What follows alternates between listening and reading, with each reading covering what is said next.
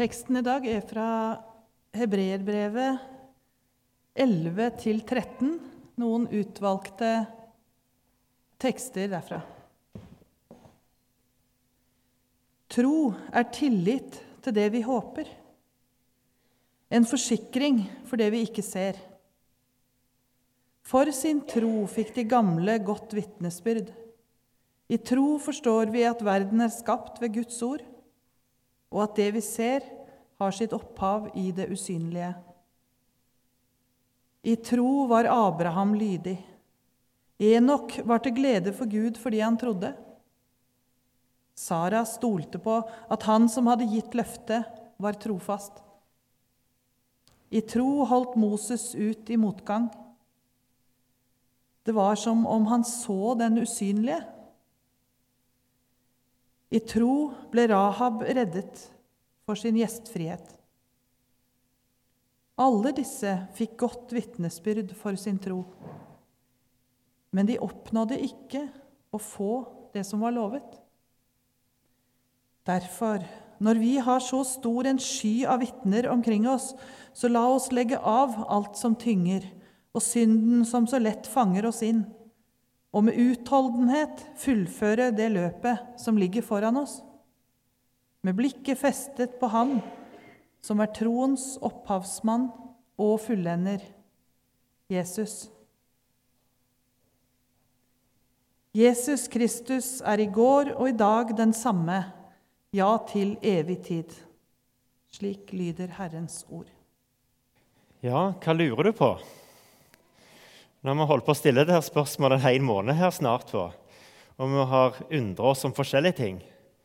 Jeg fikk et veldig rart spørsmål eh, nå i denne uka. og Denne uka for min del har handla mye om egentlig avslutning på livet og begravelser. Og så fikk jeg et spørsmål. Går det an å sende en hilsen til andre sida? Et barnebarn som hadde ei farmor som lå for døden, og så lurte på kan jeg hilse til. Selvfølgelig kan du hilse til. Og Samtidig så får jeg spørsmål også fra en voksen person litt i samme, samme gata. Kan jeg hilse til noen på den andre sida? Går det an? Jeg vet ikke. Jeg lurer på det. Jeg syns det er fint å tenke at jeg skulle ønske at de som var gått foran oss, de som er døde, at de kunne vært en del av det som skjer her på jorda. Men jeg kjenner at jeg har ikke veldig lyst til å oppmuntre til kontakt med de døde. Jeg kjenner nok på det, altså. At det, der er det grenser på et eller annet. Men det er noe av det som jeg har fundert på i løpet av denne uka. Hva lurer du på? Og hva skjer når du begynner å lure? Og Hvis du tenker tilbake de gangene du begynte å lure på om Gud fins, om det går an å tro på dette Hva var det da som trigga spørsmålene? Og det jeg lurer på, det er Var det foreldre? Var det forbilder som ikke helt strakk til? Var det at det ble vanskelig å møte alt det som sto i Bibelen. Hva var det som satte i gang en sånn spørsmålsgreie som begynte, gjorde at du begynte å lure på kan jeg virkelig holde fast på den troa som jeg er vokst opp i? For noen så kommer spørsmålene i tenårene sant, på vei med ungdomstida. For ganske mange så kommer de òg seinere i livet. Og jeg tror faktisk at for oss alle så vil det være perioder i livet der vi begynner å lure. Og så lurer jeg på Når disse her spørsmålene dukker opp Går det an likevel å holde fast på noe? For det er noe det, Hvis vi skal hive opp alt opp i lufta, alt er åpent for greier, så er det ganske sannsynlig at vi gjør noen ukloke valg. De siste ukene har jeg prøvd å holde fram ett sånn greie. Og tenke oss at eh, selv om kartet ikke stemmer virkeligheten, jeg får ikke Bibelen helt til å gå opp, så har jeg likevel et indre kompass som har Jesus der. Et indre kompass. Et indre kompass som sier noe at det er én ting som, som er med Jesus. Det, Jesus kommer inn i vår verden, så vi skal slippe å lure på om Gud er glad i oss. Vi skal slippe å lure på om vi har tro nok. Og Jesus kommer òg inn i vår verden og stiller seg ved siden av oss som en medvandrer, som vi kan være der med våre spørsmål. Og Jesus ser med våre briller og kanskje undrer seg sammen med oss. Og så tror jeg det skjer noe i den samtalen når jeg ikke står alene med alt jeg lurer på, men jeg tenker at Jesus er med meg i det. At jeg slipper en måte å lure.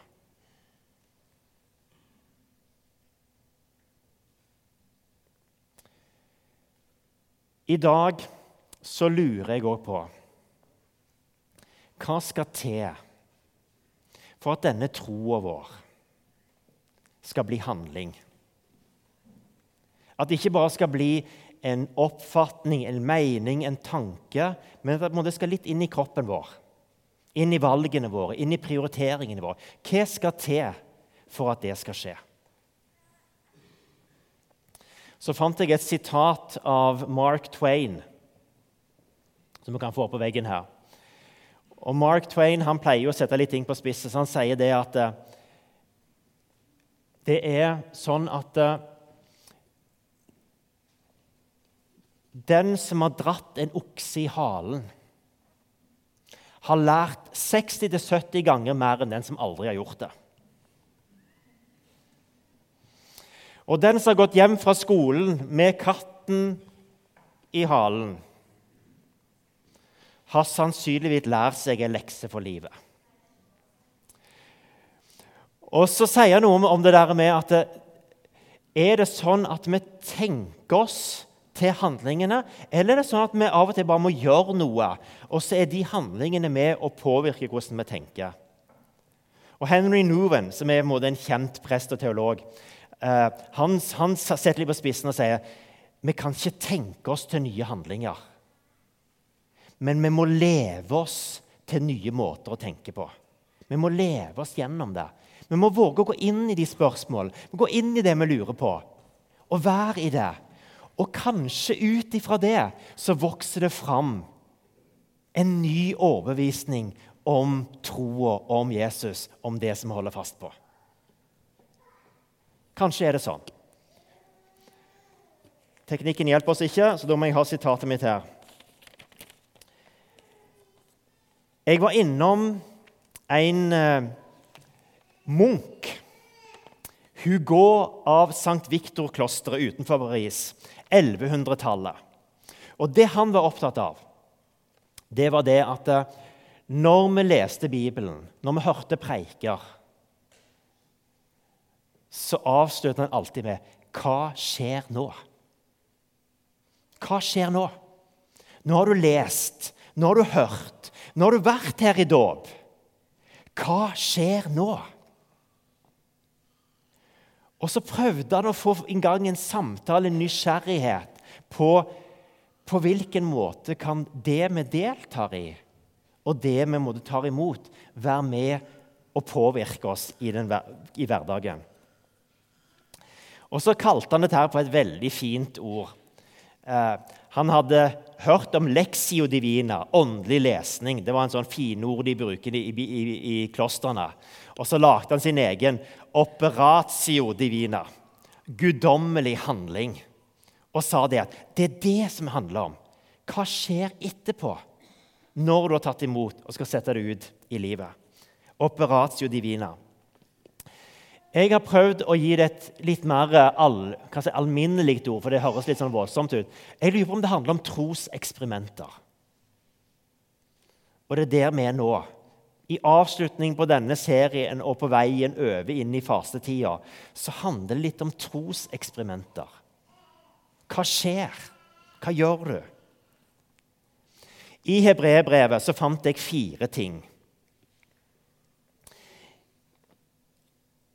Forfatteren der sier noe om kampen mot det onde i oss og rundt oss. Og så har han flere moralske oppfordringer i det. Men det er noe med kampen mot det onde. Det er på en måte én sånn handlingsgreie. Ta vare på fellesskapet. Gjestfrihet. Noen har hatt engler som gjester uten å vite det. Et vakkert bilde. Noen har hatt engler på besøk uten å vite det. Glem ikke å gjøre det gode og dele med andre. Det var liksom fire som jeg fant ut jeg bare leste fra måte, alt det der måte, om tro og grunnlaget for vår tro. Og når jeg skal prøve å sette ut i handling, så var disse fire sånn, røffelig en sånn oppsummering. Kampen mot det onde, ta vare på fellesskapet, gjestfrihet, og glem ikke å gjøre det gode. Og så lagde jeg enda lengre lista sjøl når jeg bare satt og brainstorma. Eh, men den skal dere slippe å få. Det er noe med at det, okay, Noe fungerer på en måte det du får en liste på en vegg, men det må du ramse opp en liste. Det blir too much. For jeg tenker at det det, det handler om, det er at Jesus er i går og i dag den samme. Det er der det begynner. Troen på at Jesus virkelig er en del av livene våre og våre barns liv at den Jesus som vi møter i Bibelen, òg er usynlig til stede her sammen med oss. Og hvis det er sånn at Jesus er her sammen med oss, så betyr det at han er med deg ut i din hverdag òg. Det betyr at han er med deg i din hverdag, der du går, der du jobber, der du er på fotballtrening, der du så, så videre. Så er Jesus en del av det. Fordi han ønsker å gå sammen med oss, han ønsker å heie på oss. Han ønsker å få fram det beste i oss. Jesus er i går og i dag den samme. Og ikke bare for å få fram det beste, men òg for å gi oss hjelp til å bære det som ikke gikk så greit i hverdagen. Til å kjenne at vi får styrke òg i nedturen og når vi kommer til kort så er Jesus der for å gi oss styrke og håp.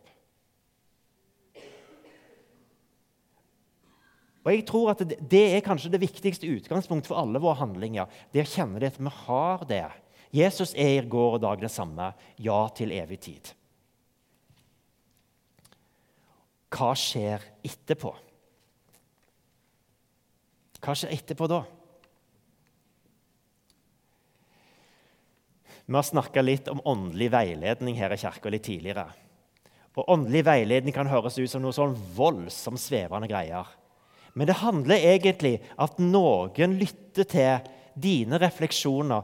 Hvordan ser du Jesus i din hverdag? Hvordan opplever du at Jesus er en del av det? Han som er usynlig til stede. Hvordan opplever du det? Og fra at Kristiane Tornes eh, begynte å si måte, de som har lyst, de kan få lov til å prøve ut dette. her. Så synes jeg Det er kult. Det er seks personer som har takka ja til invitasjonen. Fire her i kirka, og så er det to fra andre plasser. Og Vi har også kontakter med andre i et nettverk. Så hvis du kjenner på en sånn ønske om å prøve noe av det ut, så går det an å ta kontakt. Så har vi kontakt med andre i regionen, andre plasser. Eh, og er det behov, så kjenner jeg òg at det er noe som jeg òg har lyst til å prøve ut. Jeg går til åndelig veiledning sjøl og opplever at det er utrolig spennende å bli speila på. Ja, men hvor ser du Jesus i dette? Og så er det av og til bare noen sånne enkle spørsmål, og så begynner ting å spinne litt i tankene og hodet mitt. Og Det er fordelen med åndelig veiledning, at det kan være litt sånn individuell. At du kan lytte seg inn til måte, hvor er du Når jeg står her i en preik og en gudstjeneste, så blir det litt mer å kaste ut en utfordring og, så den, e- og så kan det være av og til at det bommer helt i forhold til der du er. Men dere skal få en felles utfordring òg. Og Mikkel skal følge den opp inn i fasetida på de neste gudstjenestene. Og utfordringen hva skjer nå? Hva skjer nå? Det er å leve enklere. Leve enklere blir overskriften for hele fasetida vår i menigheten leve enklere. Jeg vet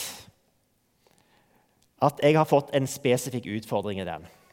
Og Det handla om at eh, når jeg sto her og snakket om mine manglende klimatiltak, og at jeg er så glad i å reise, så fikk jeg en utfordring på Facebook. Gå inn og hør på denne. Og Bjørn, du kan ikke bare stå her og si at du ikke gjør noe. Du må gjøre noe. Klima er en viktig sak. Og for min del så handler det å leve enklere noe om et klimatiltak inn i fastetida. Og så kan jeg ikke bare leve på laurbæret fra, fra, i fjor på det der med å ha tatt inn liksom kjøttfri dag. Sant? Det, det, det som er kjedelig, sant, vel, at da hadde jeg jo én, men den, har jo brukt opp, den, er jo, den er jo satt inn nå. Nå har jeg det en kjøttfri dag en gang i uka. Nå må jeg liksom gjøre noe nytt. Men samtidig er det spennende å ta noen sånne utfordringer til seg sjøl på hva betyr det å leve enklere. Jeg vet at noe av det for min del handler om litt opprydding på garasjeloftet. Du skal være glad dere ikke har vært der. Dere har vært overgitte. Jeg vet at det handler litt om det. Litt det der rydde, litt, Oppleve liksom at ting er litt mer ordentlig rundt meg. For Jeg ser det der garasjeloftet for meg, ser du, i drømmer av og til. Og så Ja, det går an å gjøre noe med det.